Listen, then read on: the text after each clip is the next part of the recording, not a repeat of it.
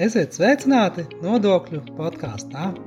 Mani sauc Mārcis Jurčs, esmu RTU asociētais profesors. Nodokļu podkāstā mēs stāstām dažādas aktuālas un interesantas tēmas par nodokļiem. Bet ne tikai. Mēs stāstām dažādas jaunumus, projektus, viedokļus, runājam ar ekspertiem, runājam par dažādiem pētījumiem nu un citām lietām, arī par mācību procesu nu, un dažādām lietām, kas noder mums ikdienā. Nodokļu podkāsts paredzēts mūsu muitas un nodokļu administrēšanas programmas studentiem, bet arī citiem ja interesantiem. Tas pieejams Spotify un citās populārās straumēšanas vietnēs. Eiropas Savienība jau tieši nesen tādu ir nospraudusi zaļo kursu, taču faktiski Latvijā šie jautājumi jau diezgan sen tiek risināti. Ja? Dabas resursu nodoklis Latvijā jau darbojas jau gandrīz jau pēc neatkarības atgūšanas. Un šodien uz sarunas par vidas nodokļu jautājumiem esmu aicinājis vidas aizsardzības reģionālās attīstības ministrijas vidas aizsardzības departamenta direktoru Rudītu Veseli. Labdien! Labdien! Rudīt, nu, tu arī jau no, jau no pašiem sākumiem šajā nu, jomā darbojies un arī ar dabas resursu nodokli. Varbūt sākumā var tādu kādu interesantu, tādu nozīmīgu notikumu pastāstīt, kas bijis tajā tavā profesionālā darbībā ar šo jomu strādājot. Ļoti labs jautājums. Īstenībā es ar dabas resursu nodokli no pašiem viņu pirmsākumiem gluži nestrādāju, bet pietiekami ilgu laiku, jo dabas resursu nodoklis pirmo reizi tika piemērots Latvijā jau 1991. gadā, mm. kad tapa pirmais likums par dabas resursu nodokli. Un kad faktiski tas tika attiecināts uz, uz tādām lietām kā vidas piesārņošana, tā skaitā atkrituma apglabāšana un dabas resursu ieguva, respektīvi vesela rinda minerālu resursu, ko mēs iegūstam no zemes dzīvēm, un arī dzen tā skaitā ūdens resursu izmantošana. Pagāja zināms laiks, pētot, kādā veidā vispār šos vidas nodokļus pasaulē piemēro un arī analizēt to situāciju, kā tas viss notiek un kāda ir iegūma, kāda plus un kāda mīnus. Nu, tad pēc zinām laika šo nodokli sāk papildināt ar vairākām jaunām nodokļu objektu grupām, nu, un šobrīd jau mēs varam runāt par faktiski deviņām lielām nodokļu objektu grupām uz doto brīdi. Restīvi, kā jau pasaulē tas ir atzīts, tad vidas nodokļi vai ekoloģiskie nodokļi uh, vai produktu nodokļi, kā viņus vēl reizēm sauc, ir ļoti efektīvi, lai sasniegtu konkrētus mērķus, lai mēs nodrošinātu šo vidas kvalitāti, lai būtu pārdomāta gan šī resursa ieguve, gan arī motivēt samazināt piesārņojošo darbību ietekmi uz apkārtējo vidi, līdz ar to arī uz cilvēku veselību un arī domāt par to produkciju, kādu tad mēs radam un ko mēs varam darīt labāk, lai pēc tam, kad mēs viņu esam izlietojuši, mēs viņu metam ārā un ir jādomā, ko tad darīt ar šiem atkritumiem. Un um, tādējādi, jā, tā tad ir attīstījies diezgan nopietni šis nodoklis un rezultāti, protams, jā, arī ir bijuši acīm redzami un, protams, viņš ir pārskatīts tad, kad saprotam, ka varētu vēl kaut ko um, pievienot, lai attīstītu, lai panāktu vēl kādas um, vidas mēģis sasniegt. Um, tad, kad mēs redzam, ka kaut ko vajag mainīt vai pārskatīt. Bet, bet nu, tas sākums laikam bija tāds visinteresantākais. Man, es, kad arī strādāju nodokļiem, tad man liekas, taisnība tāda, nu, kad šīs process sākās no kāda 95. gada, kad ir tāda nodokļu reforma bijusi. Ka, bet, bet jā, un tas dabas resursu nodoklis jau, tad, jau faktiski jau tajā laikā izrādās arī bijis tāds jau nu, ievies un, un, un patiesībā maz kas to pamanīs. Ja? Tad šobrīd viss tā sāk runāt o vidas jomu. Kā, kāds bija tas sākums tāds eh, šajā ziņā? Nu, tad jādomā vispār būt par vidas aizsardzības sistēmu Latvijā kā tādu. Faktiski, ja tā ļoti skrupulozi pētīt, tad mēs saprast, ka vidas jautājumiem, jau sākotnēji dabas jautājumiem, cilvēks jau ir pievērsis gan sen, vairākus gadsimtus atpakaļ, piemēram, Zviedrijas karaļa laikā, kad mast priedis, lai neizcirst bez jēgas un pārdomāt, tad ievies dažādu veidu ierobežojums, pēc tam tālākie soļi, kas vēl ir notikuši. Nu, pirmais uh, Latvijas dabas rezervāts, 1912. gads, kas tika izveidots. Jā. Un, un tālākā viss šī attīstība, un saprotot to, cik šie dabas resursi ir svarīgi.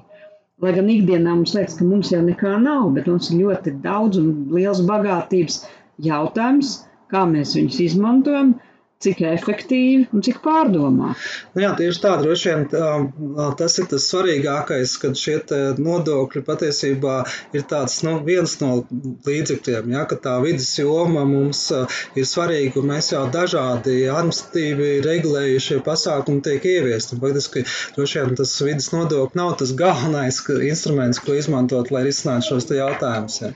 Nu, īsnībā es teiktu tā, ka, eh, lai jebkura sistēma darbotos, ir tādi četri būtiski stūrakmeņi, vaļus, kuriem tas viss balstās. Tātad sākotnēji tas viens būtu, ka ir šī tiesiskā, tiesiskais regulējums, eh, sakārtot šie normatīvi akti, kas nosaka dažādas eh, nosacījumus, ierobežojumus, varbūt pat aizliegums vai taisn otrādā, ko drīkst un ko var.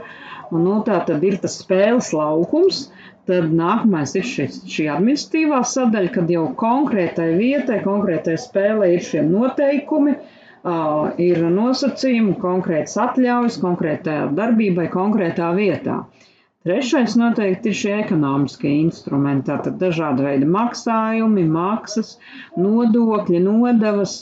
Un uh, noteikti ir gana būtiski arī, ja mēs runājam par tādu resursu efektīvu izmantošanu, par šiem dabas resursiem, tātad uh, šie te vides nodokļi. Jā, kaut kāds izmantošanas kvotas, jā, licences. Jā, jā, tieši jā. tā viss tas kopā. Nu, un ceturtais, nemazāk svarīgs, tā jau ir sabiedrības iz, informētība nu, un izglītošana. Cik mēs zinām par to visu, vai mēs saprotam, kāpēc mēs to vai savādāk atļaujam vai neatļaujam. Nu, tātad, lai šī informācija tiešām būtu publiski pieejama un saprotama. Tad, kad parasti mēs runājam par nodokļiem, arī studentiem, vai vispār teiksim, sabiedrībā tāds, tāds viedoklis, ja, kad izdzird vārdu nodokļu, visi iedomājas, tas tā kā tāds nu, fiskālais instruments, tagad kaut ko aplikt, tur naudu pārdalīt un budžets, un tur, tur vairāk naudas un tur visādām jomām, bet, nu, droši vien vidas nodokļiem, dabas resursu nodokļiem, tas ir tāds, nu, tā kā tāds pārpratums, visu kaut kā iedomājas, ka šis arī ir nodoklis, bet faktiski jau viņš, nu, Kā, kā, kāds būtu tas dabas resursu nodokļu mērķis šai ziņā? Nu, droši vien jāsaka, ka ņemot vērā, ka pasaulē pielieto, tad es teikšu vidas nodokļi vai mūsu gadījumā Latvijā dabas resursu nodoklis. Tātad vidas nodokļi ir tie, kas tomēr ir mērķi orientēti. Viņi nav tikai, lai būtu fiskālais iegums, lai būtu ieņēmumi, bet ar konkrētu mērķi panākt kaut kādus uzlabojumus vai no apkārtējā vidē, respektīvi samazinot piesārņojumu, efektīvāk izmantojot dabas resursus domāt par to produkciju, kādu mēs ražojam, ko mēs lietojam, tātad arī par mhm. patērētāju tā skaitā. Un tādā veidā mēs tomēr panākam to, ka nu, tiek nodrošināta zinām vidas kvalitāte, jo tas tomēr ir tāds um, instruments, kas no vienas puses uzņēmēju tomēr nu, ierobežo viņa darbībās, respektīvi liek viņam pārdomāt, vai viņam visi šie izdevumi ir vajadzīgi, vai viņš viņus nevar samazināt. Un rezultātā viņš tātad maksāt varbūt maksā mazāk, šo nodokli, tā pašā laikā piesārņojums arī, ko viņš rada, ir jā. samazinājies. Jā, faktiski rezultātā. Dabas resursu nodokli man arī patīk, ka man liekas viens, vien, varbūt pat vienīgais nodoklis, kam arī ir likumā ierakstīts tāds viņa mērķis, jā, pārējiem tā kā visi tā kā, nu, zemtekstā saprot, ka tur tas fiskālais efekts ir šeit tieši ļoti uh, uh, uzsvērts šis mērķis, jā, kas ir primāri šī vidas aizsardzība un dažādu vidas, uh, no šo te pasākumu nu, nodrošināšana. Ja? Un tiešām šī nauda jau faktiski tur pat, pat neparādās. Un vai, vai pēc būtības jau vidas nodoklim vajadzētu būt tā, ka, nu, kad, tā, kad tā mērķis ir sasniegts, tad jā, nu, viņi jau ne, nemaksā, jā, ka ieņēmumi tikpat kā nav. Jā, principiāli es tam piekrītu, jo faktiski nu, tad, tad, uh, tiek maksāts par to, ka es kaut ko daru un piesārņoju vidi. Un rezultātā, jā, jā un, un tādā veidā es realizēju principu piesārņotājs maksā. No otras puses, es varbūt veicu ieguldījumus, uzlaboju savus iekārtas, nomainu kaut ko savās tehnoloģijās, un rezultātā ma mazāks piesārņojums nonāk vidē un es maksāju mazāk. Jā, arī pat novērš šo te darbību vai nonāk piesārņojumu, tad jā, faktiski tāds tas nodoklis tā kā tāds indikatīvs rādītājs, jā, nevis, teiksim, nevis tā kā būtu maksājums, kas tur regulāri jāmaksā. Ne? Jā, jo, jo, jo Dabas resursu nodoklim ir mērķis samazināt piesārņojušu produkciju, piesārņojušu darbības, tātad arī pārdomātāk izmantot šos resursus un īstenot faktiski pat divus principus, tā kā mums tas ir iestrādāts likumā. Pirmkārt, principu piesārņotājs maksā, un otrkārt, ražotāja paplašinātās atbildības principu ražotājs atbild ne tikai par preci, kādu viņi saražot un kaut kādu laikam ir patērētājs lieto, bet atbild arī par šiem atkritumiem, kas rodās, kad preci ir nokalpojusi savu mūžu. Un, līdz ar to viņam ir konkrēti šie mēķi noteikti, un skaidrs, ka ja es veicu kaut kādas darbības un sasniedzu labāks rādītājs vidē, vidas kvalitātē, es maksāju mazāk. Tad, tad ja mērķi tiek sasniegti, šī ieņēmuma samazinās. Tas nozīmē, ka viņš ir jā. tāds zināmā mērā pat tāds. Nu, pašiznīcinoši. Jā, un tas ļoti interesanti. Arī, arī ja skatās tie atbrīvojumi, kas ir paredzēti, faktiski jau viņi tādi pozitīvi. Sanāk, kad, kad tie uzņēmumi jā, vai tie, nu, tie personas ienesēts izmantot šo atbrīvojumu, jā, piemēram, tur pievienoties apsaimniekošanas sistēmai vai pašam nodrošināt, jā, un tad faktiski tajā brīdī jau viņi to nodokli nemaz nemaksā. Un tas ir tā, tā ka faktiski sanāk, ka tas pēc būtības nav tā, kā tāds atbrīvojums, bet tāds, nu, tā jā, jēga tam nodoklim, lai tieši šo te būtu izdevīgāk izmantot? Jā, ne? viņi vairāk veidot kā tāds motivējošais mm. instruments, dažkārt sabiedrība saka sodošais, jā, bet faktiski es gribētu teikt motivējošais, jo, jo no sākuma gala ir paredzēts, ka nu, šis konkrētais uzņēmējs piedalīsies ražotāju atbildības sistēmā, realizēs šos te uzdevumus saistībā ar šo specifiskām prasībām atkrituma apsaimniekošanai vai atkrituma apjomu samazināšanai, un rezultātā viņš nav nodokļu maksātais, viņš nemaksā nodokli. Bet, ja viņš to nepilda, tad viņš maksā šo nodokli. Tad, tad uh, sabalansēt šo un vienlaiks jāatzīmē, ka nodokļu likums tātad uh, attiecībā uz tādām, uh, tādām grupām kā iepakojums, vidē kaitīgās preces, transporta līdzekļi, uh, tiek šis nodokļu likums veidots tādā veidā, uh, ka viņas ir divas vai pat trīs reizes augstāk nekā reālā šīs nu apsaimniekošanas izmaksas. Tieši tā, lai būtu stimuls. Un vēl es gribētu piebilst vēl vienu lietu, ka, ja mēs runājam par vidas nodokļiem, varētu pieminēt vēl arī tās, tā skaitā akcijas nodokļus. Uh mhm. -huh. Varbūt ne pilnā apmērā, kā mums piemēro to, bet vairākiem objektiem vai šis maksājums faktiski veicina to, ka tiek sasniegti zināmi vidas, jā, jā, vidas jā, mērķi. Jā. Vai, vai tas ir akcijas nodoklis degvielai vai, vai tam līdzīgi, ja tad kurināmajam, ja, kur mēs redzam, ka rezultātā nu, arī var veikt uzlabojums un šiem maksājumiem ir mazāk. Izvēl, jā, izvēlēties kaut ko alternatīvu. Kā, kā, kā tavuprāt, tas mērķis tika sasniegts, ja mēs skatāmies tā, tā atpakaļ ja, no tiem ieviešanas brīža, kas bijuši tādi, tādi pasākumi lieli, varbūt tās, kur mēs redzam, ja, ka, kad šī sistēma strādā, tā apsaimniekoši arī depozīts, varbūt tās arī nesen sāks. Kā, kā tavuprāt, tu var novērtēt šo dabas resursu un tādu nu, mērķa sasniegšanas izpildi?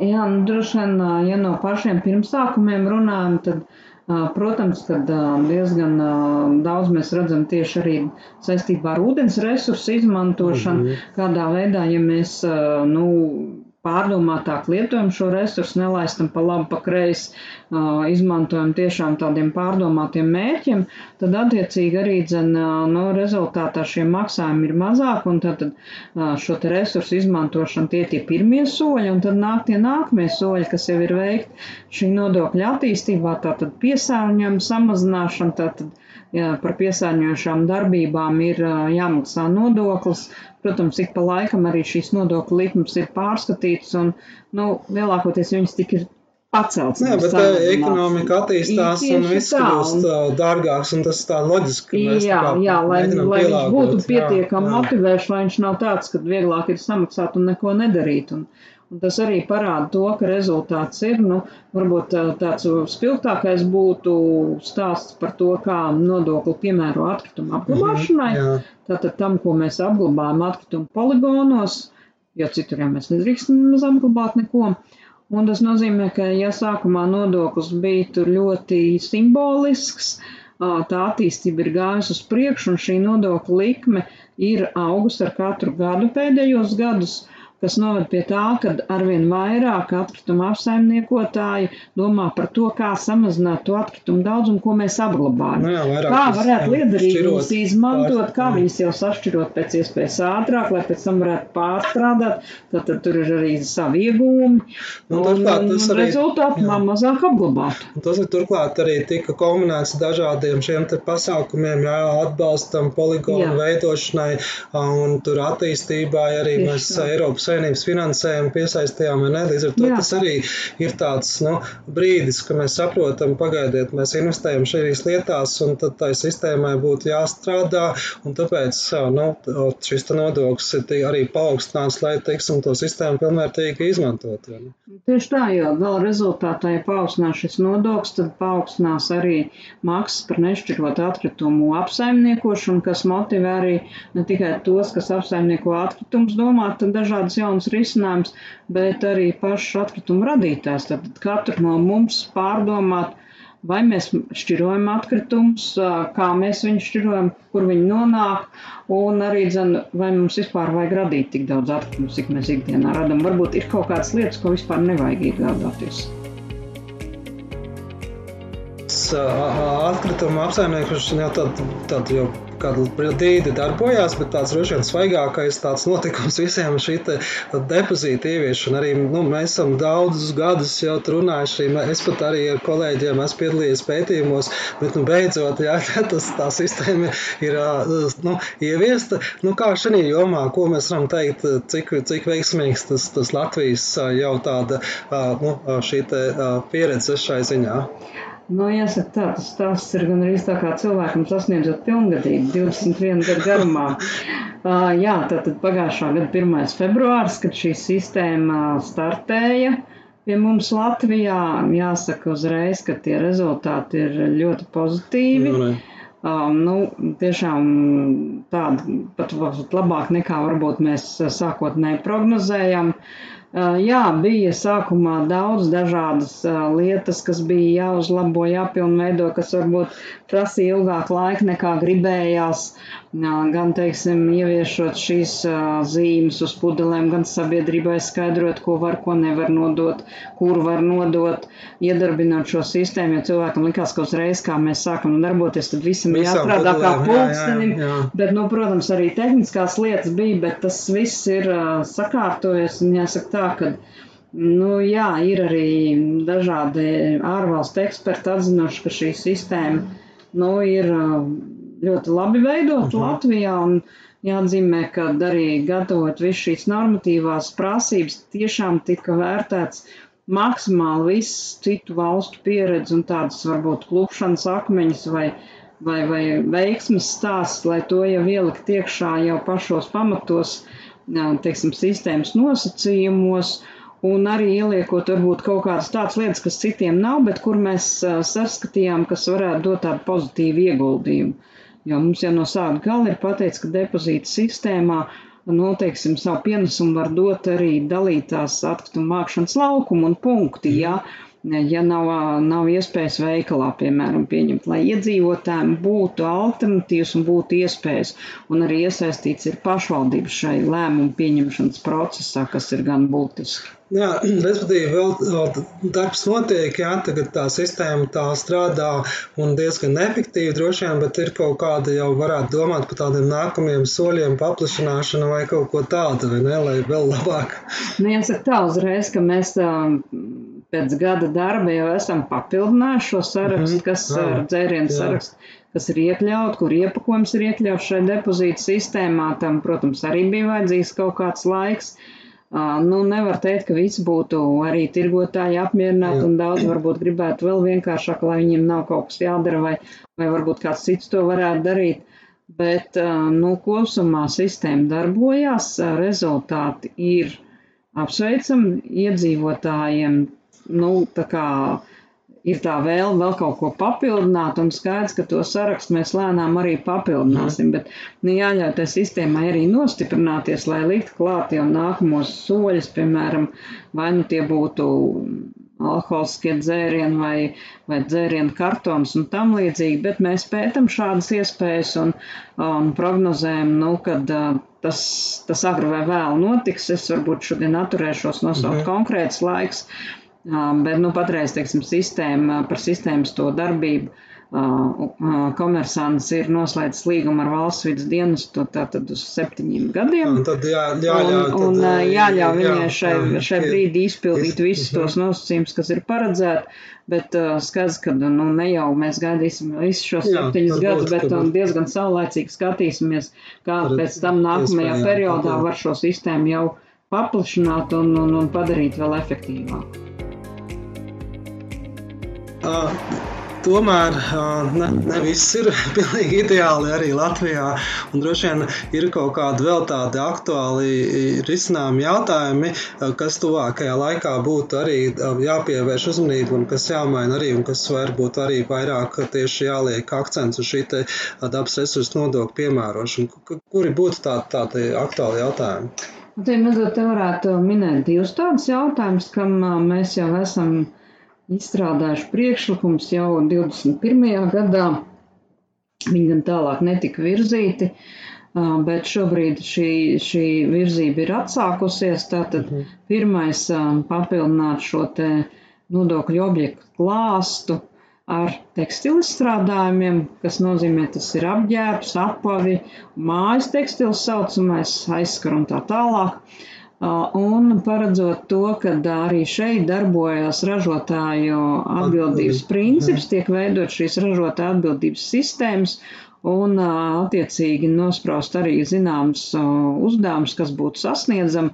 Nu, un ja tas tiek izdarīts, ja, ja teiksim, nu, ražotājs vai, vai tas, kas ieved šādus izstrādājumus, piedalās šādā sistēmā un kaut ko arī reāli izdara, tad viņam nebūtu jāmaksā nodoklis. Tas ir tāda līdzīga sistēma, kas Absolut, jau mums ir. Kā, jā, kā uz iepakojumu vai vidē kaitīgām precēm, tieši tāda paplašanās faktiski ar vēl vienu objektu ar tekstilu izstrādājumu. Mēs jau faktiski arī redzam, jau praksē jau arī ir tie šie te punkti, kuros var nodot apģērbu. Izvartot, tas nav tā kaut kāds pārsteigums. Nē, nē, nē, tas, tas nav kā, pārsteigums, jā. pie tā jautājuma ir strādāts rūpīgi jau vairāk gadu garumā ir bijuši šie pilotu projekti, un kur mēs redzam, ka iedzīvotāji interesi par to ir ļoti liela. Līdz ar to mums viņi ir jāveic un jātīst tālāk. Un, un tāpēc, teiksim, jā, arī mums ir noteikts, ka šādi konteineri jāizvieto jau no šī gada janvāra visā Latvijas teritorijā. Tad, lai viņi tā pilnvērtīgi darbotos, vajag arī šo ražotāju atbildības sistēmas izveidu kā tādu nu, vai vairākas sistēmas vai vienu valstī, mm -hmm. un, un attiecīgi tad jau arī dzen, mēs sas, nonāksim pie tāda mērķa daudz ātrāk un pārdomātāk. Jo nu, šim pakalpojumam ir jābūt pieejamam visā Latvijas teritorijā, visiem iedzīvotājiem. Nevis tā kā šobrīd, ka pagaidām vēl tas nav. Nu, jā, varam tāds tā kā jā, jā. piedāvājums no pašiem tirgotājiem. Jā. Un uh, vēl kaut kas tāds, jā, kas vēl tāds varbūt tuvākajā nu, laikā. Jā. Noteikti gribētu parunāt par plasmasām. Mhm. -huh. Mēs visi zinām uh, to, ka uh, plasmasā uzvaras gājiena, tā teikt, ir kā izstrādājums. Nu, pats produkts ir gana senāks, bet tādu uzvaras gājienu viņš sākuši pagājušā gadsimta 50. gados. Un uz doto brīdi, teiksim, patēriņš kopš tā brīža ir pieaudzis 20 reizes. Mm, jā. Nu, mhm. tas ir um, diezgan būtisks rādītājs, jo nebūs daudz tādas, tādas, tādu resursu vai tādu lietu uh, patēriņa pieaugums, kā šī gadījumā ir plasmasām. Uh, un nu, no otras puses, jā, mēs gribam vieglu, lētu, ērtu iepakojumu un izstrādājumus, bet saprotat, ka jo vairāk mēs gribam šo dažādību, jo grūtāk nu, ir to visu pārstrādāt. Un, pēc tam kaut kur likt, un plasmas nav tas produkts, kas dabā sadalās vai, vai kaut kādos ātros apstākļos. Un, uh, tas ir kļuvis jau par nopietnu planētas problēmu. Mēs Nu Jā, zinām, video un arī, arī visi Tieši okeāni. tā, jā, jau okeānos peld piecas milzīgas atkrituma stāsts, kas pamatā viss ir plasmas izstrādājumi. Tātad um, divas jau šobrīd ir sasnieguši Francijas apmērs, tas jau ir milzīgs biets, varētu teikt.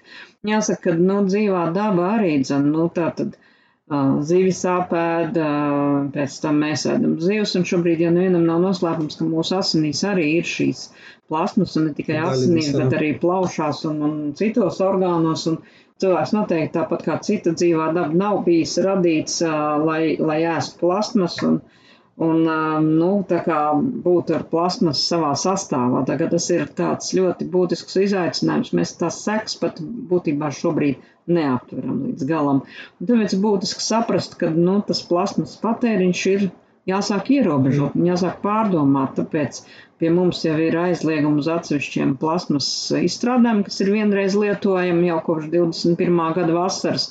Bet, nu, lai saprastu arī, kā šos iepakojumus pēc iespējas vairāk pārstrādāt un lietot tādus, kas ir pārstrādājumi, nevis kurus nav iespējams pārstrādāt. Nu, šeit arī mēs saskatām, ka dabas resursu nodoklis varētu būt viens no tiem instrumentiem, kas likt gan ražotājiem, gan tirgotājiem pārdomāt, kādu iepakojumu viņš lieto, ko Mhm. pēc tam ar to varēs darīt.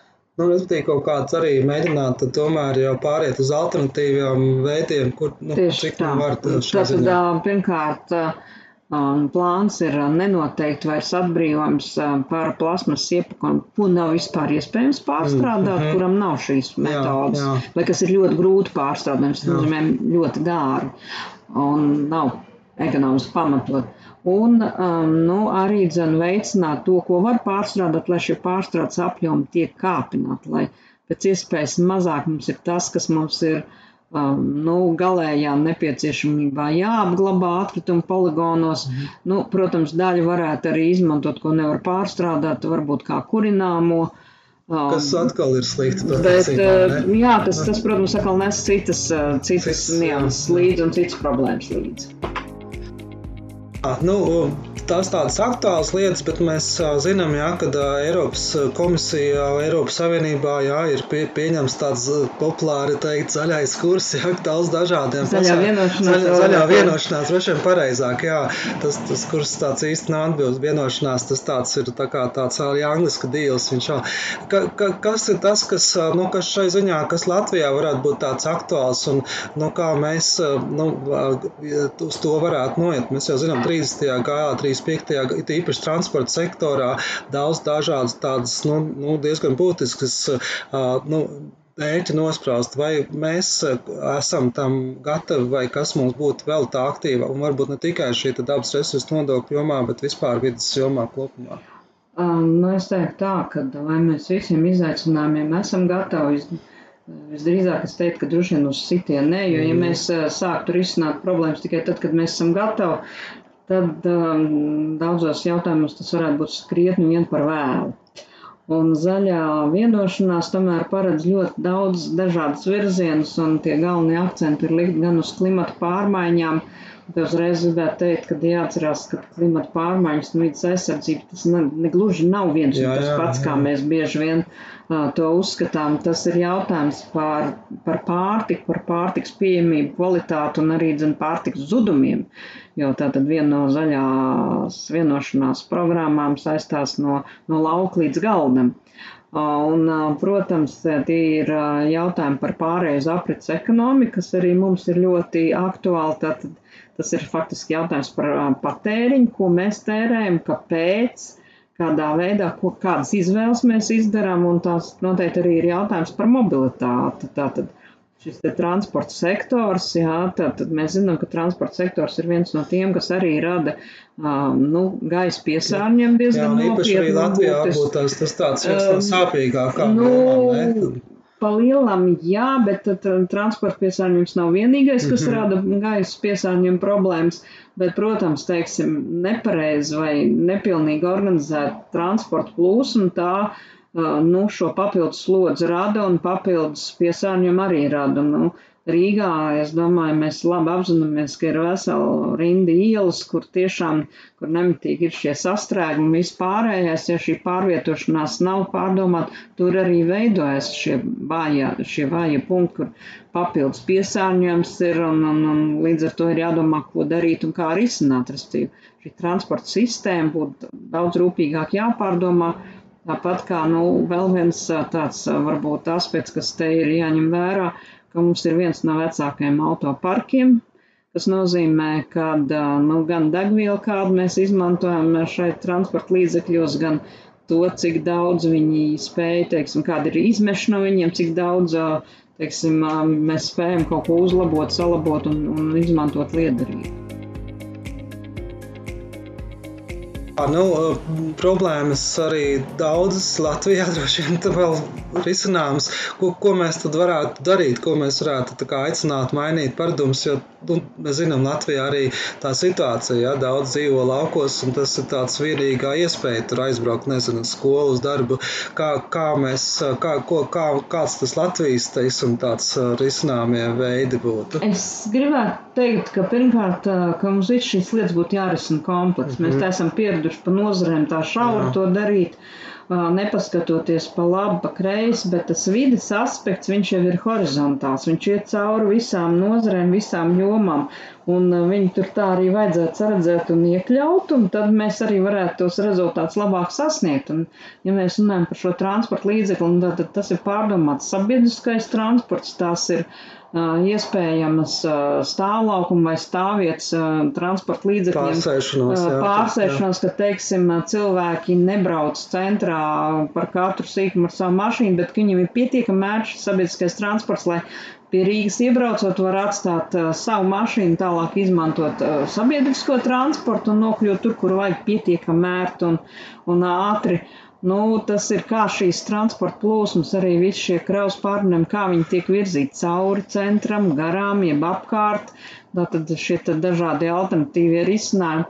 Nu, un, protams, varbūt arī vēl tāds, tāds koplietošanas jautājums, kas ir viens no tādiem arī aprits ekonomikas tādiem aspektiem, kad tas, jā, mēs tikai arī Latvijā. Ļoti Latvijas, izteikts, kad mēs paskatītos no rīta vai vakaros, jā, jā. kad no darba un no rīta, kad uz darbu brauc transporta līdzekļos, tad mēs redzētu, ka lielākoties ir viens, jā. divi cilvēki. Skolas jā. laikā vēl ir vairāk, bet, bet jā, jā, bet, jā, bet vasarā nē. Jā. Un šeit noteikti tas tā koplietošanas jā. aspekts varētu būt tas, kas varētu attīstīt. Tas varētu būt arī. Jā, latvietim tas varētu būt liels izaicinājums, jo mēs esam vairāk tā kā uz iekšu vērsti un tā ļoti, nu, nedalāmies ar savām iespējām, bet, nu, nu, kādā brīdī mums ir jāsaprot, ka mēs ar šo viensētnieku domāšanu tālu netiksim. Un, ja mēs gribam uh, attīstīties un gribam dzīvot kvalitīvā vidē, mums ir jāmaina tā domāšana. Jo ir lietas, kur var uzlikt ar likumu, bet ir lietas, kur ir jā, jā, jāstrādā ar savu galvu, jābūt gudriem savās izvēlēs. Jā, nu, lai gan tā Eiropas Savienībā tiešām šis jautājums kā vairāk kā nesen kļūst aktuāls ja, par vidas jomu un vidas tieši nodokļu jomu. Latvijā tas jau sen bijis diezgan svarīgs. Ja, dabas resursu nodoklis jau Latvijā darbojās jau kopš neatkarības atgūšanas 91. gada, un daudz gadu griezumā mēs esam par to domājuši, daudz pilnveidojuši, gan arī domājot par iepakojumu, gan kaitīgām precēm, gan arī par kā risināt atkritumu apsaimniekošanas sistēmu, arī depozīts jau mums darbojās un citas tādas lietas. Jā, protams, vēl daudz droši vien risinājumu priekšā, tā skaitā zaļās vienošanās nospraustu mērķu sasniegšana, bet, bet nu, darbs notiek un Paldies par sarunu. Teiksim, šodien vidas aizsardzības reģionālās attīstības ministrijas vidas aizsardzības departamenta direktorai Rudītē Vesrei. Paldies! Paldies! Paldies, ka klausījāties mūsu nodokļu podkāstu. Ja tev interesē arī citas epizodes no mūsu nodokļu sarunām, tad meklē mūs Spotify vai kādā citā populārā straumēšanas vietnē. Atsauksmes sūta mums e-pastā māris.cirus at rtu.lv. Tā, līdz nākamajai reizei!